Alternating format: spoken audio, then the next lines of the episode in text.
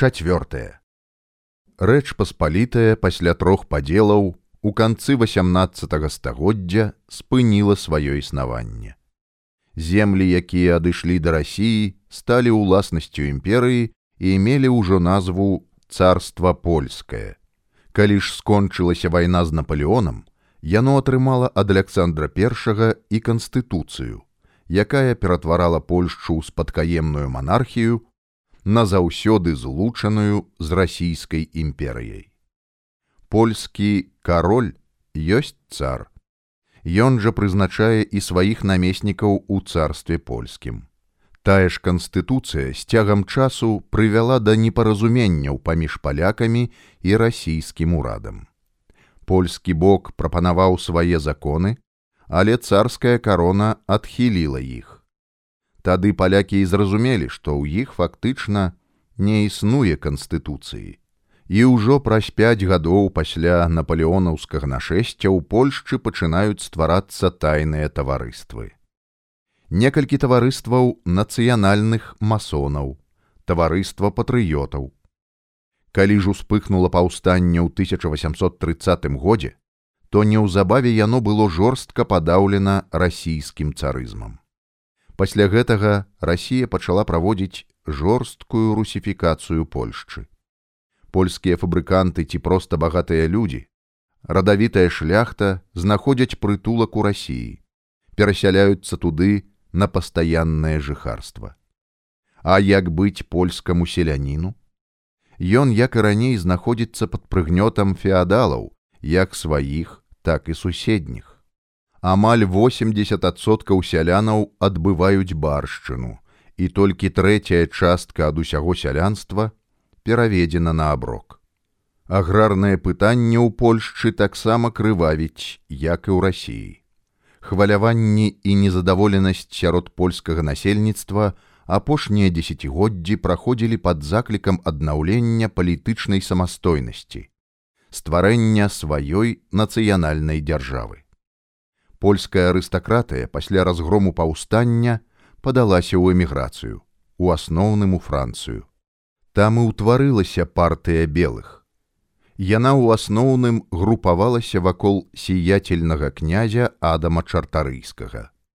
Не толькі марыла пра Польшчу ад мора і да мора, але і гатовая была змагацца за самастойнасць, але змагацца не сваімі сіламі, а абапіраючыся на Англію. Ад мора і да мора азначала, што ў склад будучай Польшчы павінны быць вернутыя і тыя землі, якія анексавала сабе Расія. Як да гэтага аднеслася імперыя, яна насцярожылася. Насцярожылася не толькі ўлада, а нават і сапраўдныя расійскія патрыёты. Чаму? Бо польскія эмігранты ў той жа Францыі стварылі і другую партыю дэмакратычнае грамадства, на чале якой стала цэнтралізацыя, а яе сябрам быў і будучы кіраўнік паўстання. Прафесор ваеннай гісторыі ў французскай політэхнічнай школе Людвік Мраслаўскі. Ён з'яўляўся не толькі ваенным тэарэтыкам, але і практыкам паўстанцкага руху ў Польшчы 1830-1831, а потым і 1848 гадоў. Асоба неардынарная, мэтанакіраваная, творчая, з вялікай любоўю як да айчыны сваёй, так і да вызвольнага руху. Александр II, ведаючы незадаволенасць палякаў у сувязі з сялянскай рэформай, вырашыў пайсці на нейкія саступкі. Па-першае, вярнуліся на радзіму ссыльныя эмігранты. Па-другое, у варшаве адкрылася медыка-хірургічная акадэмія яшчэ было дазволена заснаванне земляробчага таварыства, якое пазней стала палітычным цэнтрам і клубам буйнапамеснай шляхты. Вось менавіта гэтую шляхту і задавальнялі аграрныя пераўтварэнні.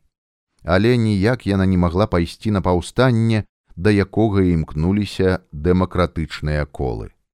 Бо менавіта яны дэмакраты і стварылі партыю руху, якая займалася актыўнай прапагандай, наладжвала маніфестацыі, выпускала пракламацыі да народа. Бачачы гэта, ураду прыйшлося ліквідаваць земляробчае таварыства. Жыхары варшавы 8 красавіка абураныя такім рашэннем выйшлі на вуліцы. Без усякага папярэджання, без перамоў войскі адкрылі па дэманстрантах агонь. Герцен не аддзяляў Польшчу ад рассіі ў справе вызвалення ад царскага прыгону першага красавіка 1863 года пісаў у сваім выданні. Мы з Польшчай, таму што мы за Расію. Мы з боку палякаў, бо мы расіяне. Мы жадаем незалежнасці Польшчы, таму што мы жадаем волі рассіі. Мы з палякамі, бо адзін ланцуг абвівае нас абодвух. І таму ён бачыў вызваленую Польшчу не шляхетна арыстакратычнай, а дэмакратычнай. У Польшчы ўзнікла тайная рэвалюцыйная арганізацыя камітэт рускіх афіцэраў у Польшчы. Гэта быў ужо 1861 год. На чале рэвалюцыйнай арганізацыі стаў паручнік Андрэй Пацябня.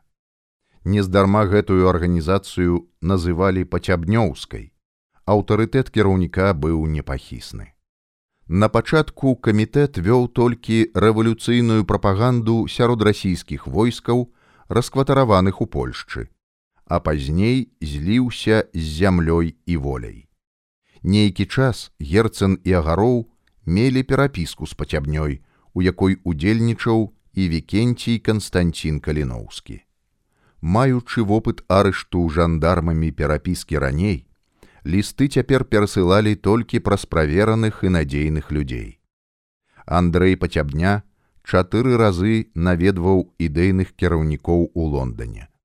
Праз яго Андрэя такім чынам і здзяйсняўся кантакт з зямлёй і волей.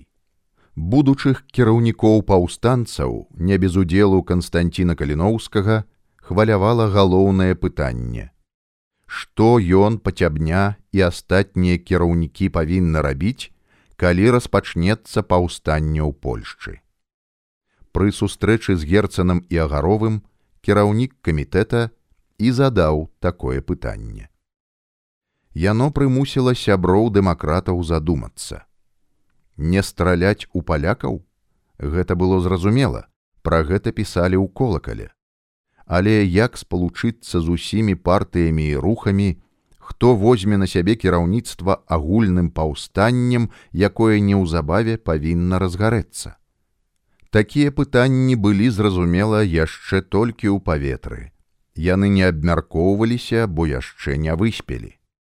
Паўгода прыйшлося думаць, узважваць, раіцца і падвяргаць сумненню свае высновы калі ж нешта праяснілася і быў дадзены адказ.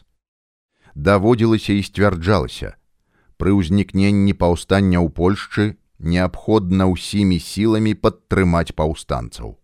Па-другое, яно ж і галоўнае, актыўна садзейнічаць распаўсюджванню паўстання на літву, Беларусь, Расію.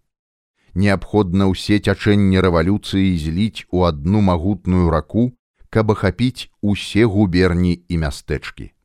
Паўстанне, якое ўспыхне ў рассіі, павінна быць падтрымана ўсімі сродкамі і магчымасцямі. Адносіны паміж польскімі і расійскімі рэвалюцыянерамі перараслі ў вырашальную фазу. Польская навальніца набліжалася імкліва і няспынна. Пачаліся перамовы, мэтай іх было стварэнне адзінага цэнтра і саюза для сумеснай барацьбы супраць царызму.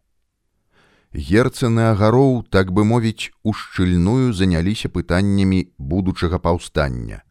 Лічылі, што яны не могуць заставацца ў баку ад гэтай справы. Аднойчы ім прыйшоў сан-францыска ліст. І пачынаўся ён радкамі: Сябры, мне ўдалося ўцячы з сібіры. Ліст пісаў бакунін той бакунін, якога арыштавалі на радзіме царскія жандары. Ён пісаў далей што пасля доўгага блукання па амуры, а потым па берагах татарскага праліва і праз Японію, ён дабраўся да амерыканскага горада. Бакунін ірваўся ў Лондон, да Герцена і агарова. Хацеў, каб яго далучылі да агульнай справы. Меў нават і сваю праграму. Буду ў вас служыць па польска-славянскім пытанні. Я буду служыць высакароднай мэце, слаўнай вольнай славянскай федэрацыі, што з'яўляецца адзіным зыходам для рассіі, Украіны, Польшчы і ўвогуле для славянскіх народаў. Калі б герцэн і агароў ведалі пра яго пакаянную споведь, якую ён напісаў у петрапаўлаўскай цытадэлі і пра ліст да Александра I, то яны аднесліся б да яго інакш, але яны былі радыя яго прыезду. Ва ўсякім выпадку замест цытадэлі бакунін апынуўся ў іркуцку, дзе яго прыгрэў родны дядька мураўёў, генерал-губернатар усходняй сібіры. Там ён жаніўся, набыў шыкоўны дом падманным шляхам зрабіў сабе нешта накшталт камандзіроўкі, змог збегчы ў Японію. А потым перабраўся ў Амерыку. Бакуніны герцэн з даўняй пары лічыліся сябрамі. І калі з рассіі прыслаў доктар белагаловы папярэджанне пра асобу бакуніна, даказваў, што ён быў у цесных стасунках з мураўёвым і прасіў надрукаваць у звоне матэрыялы пра яго, герцэн, не прыняўшы да ўвагі словы доктара, адказаў: « Праўда мне маці, але ж і бакунін мне бакунін. Каб паказацца дзейсным і актыўным, бакунін шчыра ўзяўся за польскую справу. Ён, як і заўсёды, прымаў жаданае за сапраўднае, стараўся фарсіраваць падзеі ў размовах з польскімі прадстаўнікамі рэвалюцыйнага руху. У ім не адразу разгледзелі авантурыста, дробна буржуазнага анархіста. Калі з аднаго боку у Польшчы выспявала паўстанне, набірала моцы ўстойлівасць, то ў рассіі назіраўся спад рэвалюцыйнай хвалі. Ці можна было ў такіх варунках чакаць сялянскіх выступленняў у рассіі ў падтрымку палякаў. Герцан і агароў аднолькава лічылі, што паўстанне неабходна рыхтаваць і рыхтаваць грунтоўна, а для гэтага неабходны час. Акрамя ўсяго, ступень удзелу ў паўстанні расійскіх рэвалюцыянераў яны ставілі ў залежнасць ад таго, як у гэтай сітуацыі будуць паводзіць сябе палякі адносна галоўнага земскага пытання і правінцый. Бакунін, выслухоўваючы іх меркаванні і прапановы, не згаджаўся. Пара, пара падымаць сцяг на вялікую справу. Галоўнае пачаць. А што не галоўнае, прыхаваў у сваіх словах сарказм Александр Иванович. Скажы, калі ласка, пачаць, а там усе будуць, чым захочуць быць. Вы не гінеколог адразу бачна, зноў падспудна кальнуў герцэн субяседніка. Прычым тут гінеколог не зразумеў бакунін і пільна паглядзеў на апанента. Жартуе ці здзекуецца з яго. Не разумею вас, Александр Иванович вы прымаеце другі месяц цяжарнасці за дзявяты. Такога не можа быць у прыродзе. У вас, дарагі мой дружа, чарговы прыступ рэвалюцыйнага свербу. Бакунін не пакрыўдзіўся, толькі паціснуў плячыма. А што было ў яго на душы, ніхто не ведаў. У другой палове верасня прыйшоў бакунін да герцана і адразу паведаміў: Александр Иванович, да вас госці. Якія госці, я нікога не чакаю, незадаволена адказаў гаспадар. Варшаўскі цэнтральны камітэт прыслаў двух сваіх сяброў для перамоваў. Просіць прыняць. А хто яны? Ты аднаго з іх ведаеш. Гэта падлеўскі, а другі гілер. Чуў пра яго, але не сустракаўся. Дык вось, калі ты даеш згоду на сустрэчу, то яны вечарам прыйдуць да вас. А заўтра збярэмся ўжо ў мяне. трэба ж неяк канчаткова вызначыць нашы ўзаемаадносіны. Згодзен трэба, пагадзіўся герцан. Вечарам бакунін прыйшоў не з двума, а з трыма палякамі. Трэці назваўся міловічам. Перакінуліся некалькімі словамі, а потым Александр Іванович звярнуўся да іх. З чым прыйшлі да мяне? Чым я магу быць карысным? Мы прыехалі да вас з лістом цэнтральнага нацыянальнага камітэта выдаўцам, прамовіў Міловіч. Дазвольце зачытаць, Александр Иванович. Слухаю. Міловіч чытаў спакойна, зрэдку адрываючыся ад паперы, каб зірнуць на гаспадара кватэры. Паводзіць сябе як канспіратар рэвалюцыі, якая не распачыналася, падумаў пра сябе Александр Иванович. Ліст не вельмі доўгі, але і кароткім таксама не назавеш. Скончыўшы чытаць, Міловіч паглядзеў на герцана, спытаў: « А што вы скажаце, Александр Иванович? Якая вашая думка наконт гэтага ліста? Выдавец звона адказаў не адразу. Вы хочаце пачуць маю думку? Я зразумеў адно. Праз нас вы хочаце сказаць рускім, што польскі ўрад, які склаўся, згодзен з намі, і кладзе ў аснову сваіх дзеянняў прызнанне права сялян на зямлю, якую яны апрацоўваюць. Гэта адно. Другое поўную самапраўнасць рознага народа распараджацца сваім лёсам. Правільна я зразумеў сэнс дакумента. Абсалютна правільна пацвердзіў госць, радуючыся, што па гэтым пытанні не было рознагалоссяў. А вось другая палова напісанага. У чым хібы другой паловы насцярожыўся міловіч. Ведаеце, шаноўны спадар міловіч, Усё добра, але адна дэталька выклікае ў мяне сумнеў. Якая, Александр Иванович? Тое, што дэкларуеце своечасовасць паўстання. Вось і бакунін настойвае на тым, што заўтра раніцай неабходна рушыць у бой. З кім? З чым? З якой зброяй? З якімі ідэямі і хто іх з простага народа чуў?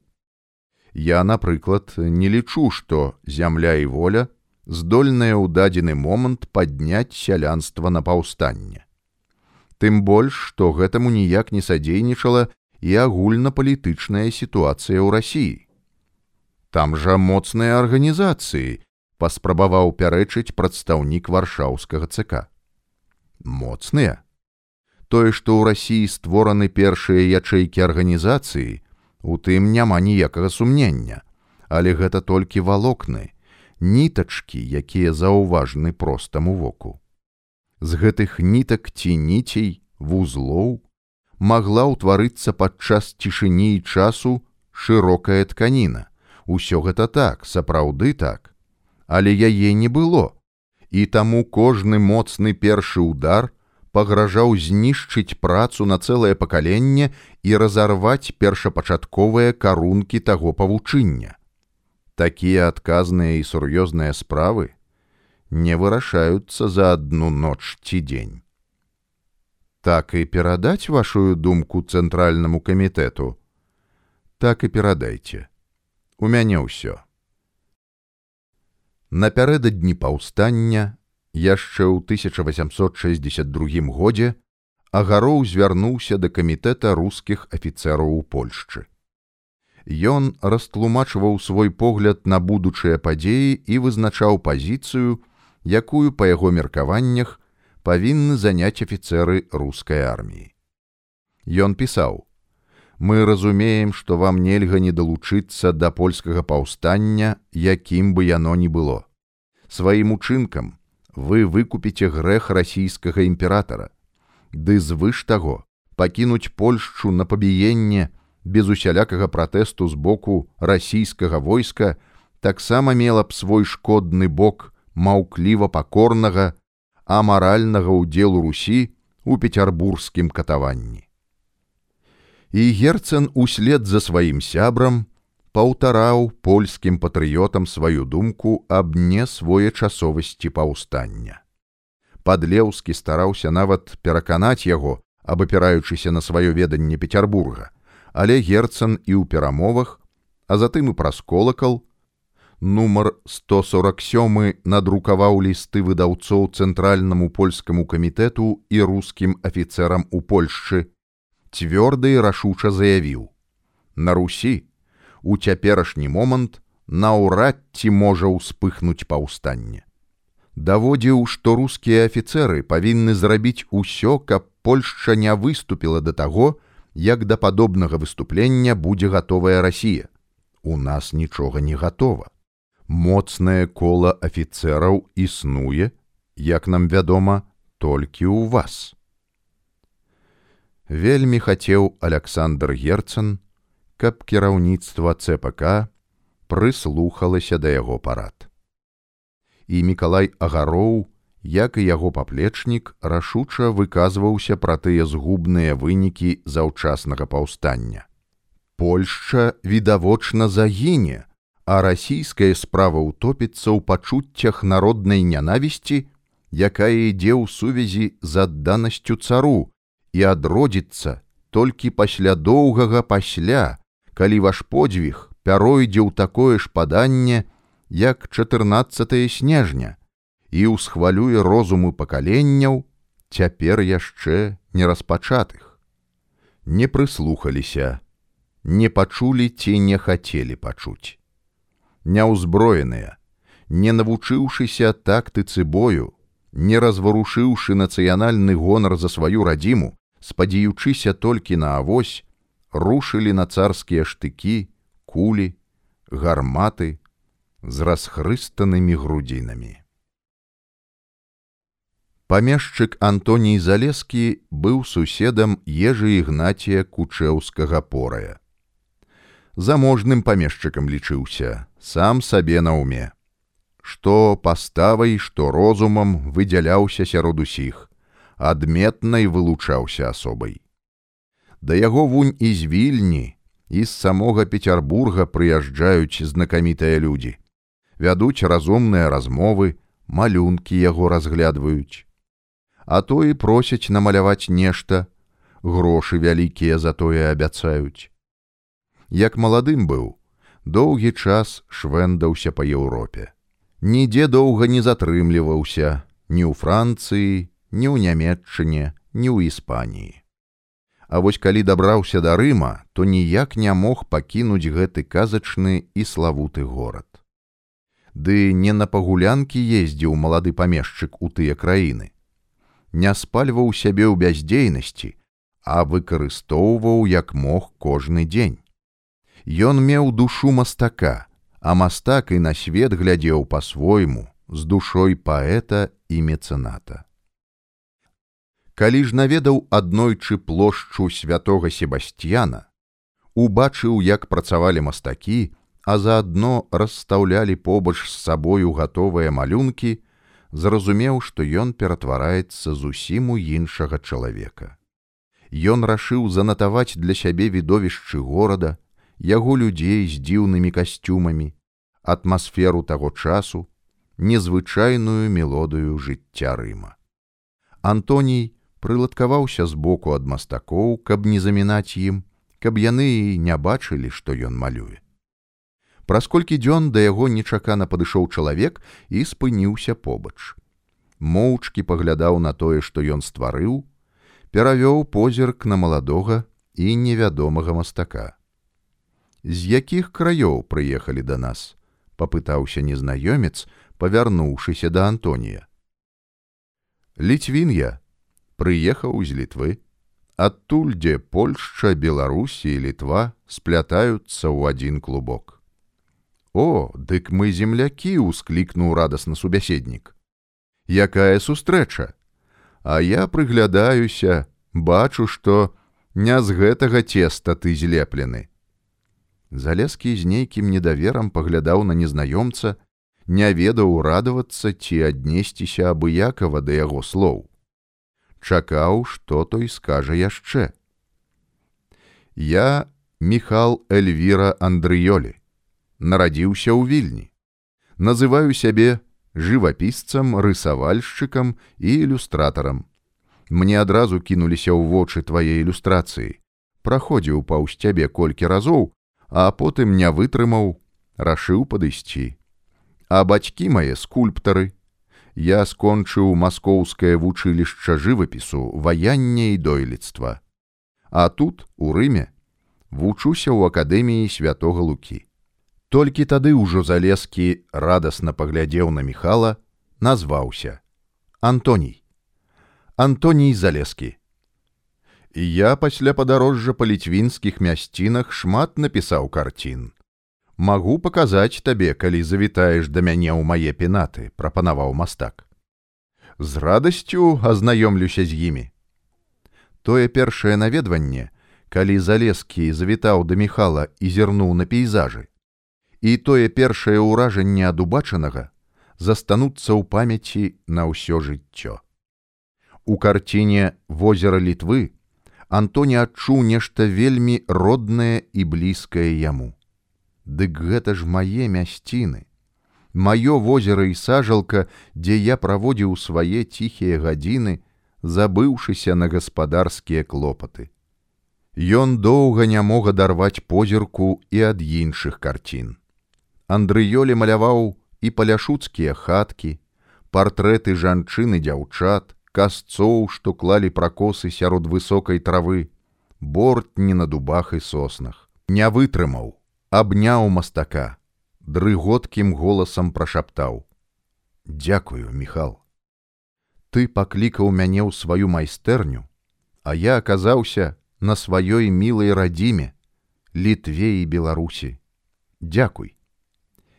І цякла размова, светлай крынічкай прабівалася ўзаемаразуменне, нараджалася сяброўскае пачуццё між імі. Пакажы мне яшчэ, што ты напісаў, Антоній. Ён паціснуў плячыма, не адважваючыся выставіць рымляніну на паказ свае пачаткоўскія працы. Не бойся, ганіць твае спробы я не буду, але мне кінулася ў вочы, што ты ідзеш сваёй вельмі адметнай дарогай. Пакажы, Антоній. Залескі моўчкі паклаў перад ім вялізную тэчку, разгарнуў. А сам пайшоў на балкон, каб не бачыць рэакцыю таленавітага майстра на яго няўклюдныя яшчэ гравюры.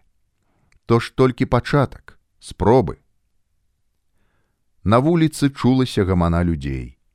Нехта іграў на гітары, спяваў. Праехала няспешна карета з зашторанымі акенцамі. Недзе там, удалечы, Венецыя. Недзе там гандолы перавозяць з месца на месца закаханых. Рым жыў, Рым гаварыў, Рым услаўляў сябе мастакамі і кампазітарамі, прыродай і дойлідствам. На плячо легла рука Андрыёлі.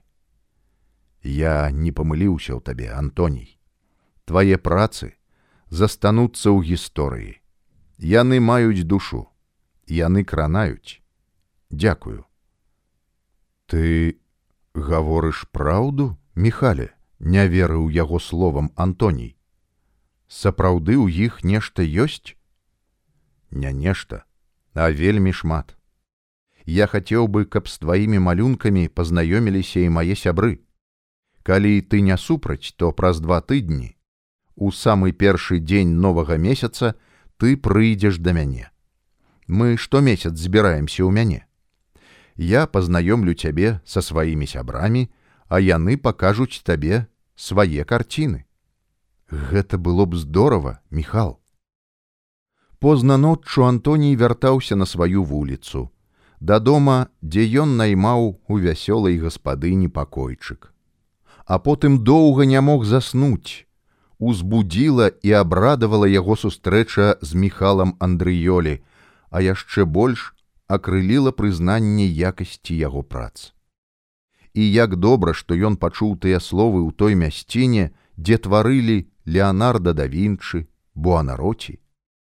Цяпер у яго не было ніякіх сумненняў мастацтва стане галоўнай мэтай яго жыцця. Некалькі гадоў праляцелі незаўважна, але яны былі насычаныя і творчыя. Антоній з дазволу рэктара наведваў зрэдку заняткі ў акадэміі мастацтва, дзе вучыўся Міхал Андрыёлі. Шмат карыснага пачарпнуў для сябе, па-іншаму пачаў глядзець на сваё мастацтва.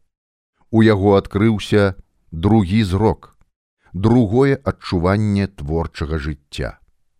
Развітваючыся з сябрам пацікавіўся: « Скончыш вучобу, Міхал, а далей куды? Не ведаю, паціснуў плячыма Андрыёлі. У вільню паеду мусіць. Буду шукаць там сабе дзе-небудзь месца. А пакуль будзеш шукаць тое месца, да мяне прыязджай, у мае родныя касцюшышкі, нечакана для сябе самога прапанаваў памешчык залескі. Маёнтак не абяцаю, але ствару ўсе неабходныя ўмовы табе для малявання і мне будзе весялей, калі ты побач будзеш. Дык як, Міхал? Не ведаю, Антоній. Час пакажа. Тады думай, рашай, але мы будзем слаць адзін аднаму лісты, і ты паведаміш мне, якое ты прымеш канчатковае рашэнне. Абняліся, сціснулі адзін аднаго ў абдымках, сказалі на развітанне тыя словы, якія і павінны нарадзіцца ў той момант. У жыцці Антонія Залескага пачынаўся новы перыяд. Перыяд узнёсласці, творчасці і апантанасці. Да пана Залескага павінны былі з'ехацца госці. Ён і не ведаў дакладна, колькі чалавек і хто збіраўся прыехаць.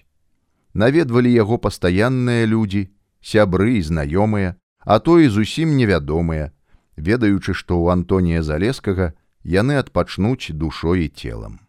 Для многіх яго маёнтак стаў меккай і прытулкам людзей творчых, дапытлівых і неабыякавых да навакольнага жыцця, да тых з'яваў і падзей, што адбываліся ў занёманскім краі, далёка за прыпяццю і дняпром. Пасля таго, як яго спасцігла няшчасце, памерла нечакана жонка, не маючы здавалася б ніякай хваробы. Пану залескаму стала няўтульна пражываць аднаму ў маёнтку, і ён адчуў патрэбу ў людзях. А так усё добра пачыналася. Пасля таго, як прыехаў з рыма, узяўся за стварэнне ілюстрацый да шостага выдання мемуараў польскага палітычнага дзеяча 17 стагоддзя Яна хрызастома пасекі. Выданне рыхтавалі ў вільні. Выдавец, дачуўшыся, што пан залескі робіць выдатныя гравюры, вучыўся гэтаму ў акадэміі рыма як вольны слухач, пабачыўшы яго працы, адразу заказаў яму ілюстраванне мемуараў. А потым у хуткім часе, а дакладней у 1854 годзе тое выданне ўбачыла свет.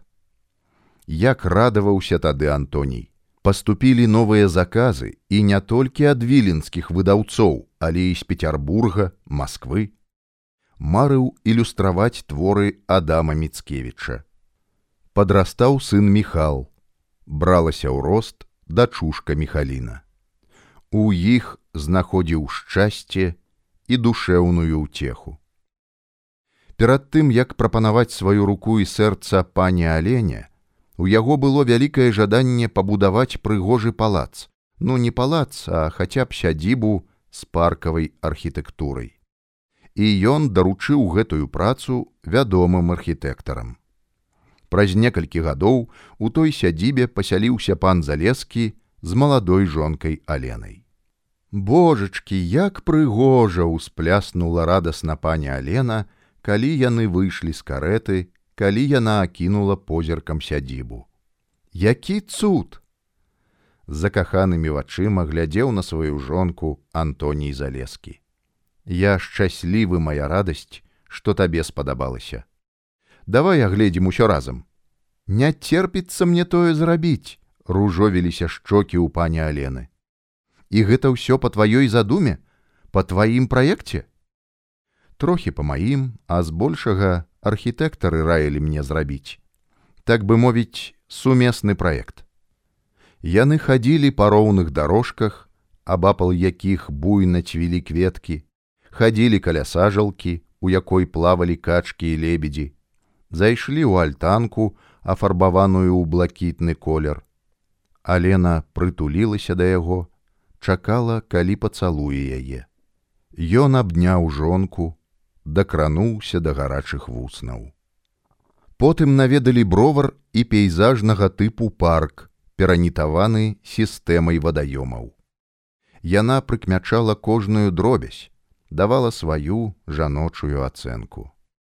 Паня Алена была збольшага знаёмая з архітэктурай, таму магла даваць амаль прафесійную ацэнку збудаванню. Сядзібны дом пабудаваны ў адзін паверх, прамовугольнікам, прасторны, у якім было шмат пакояў і пакойчыкаў.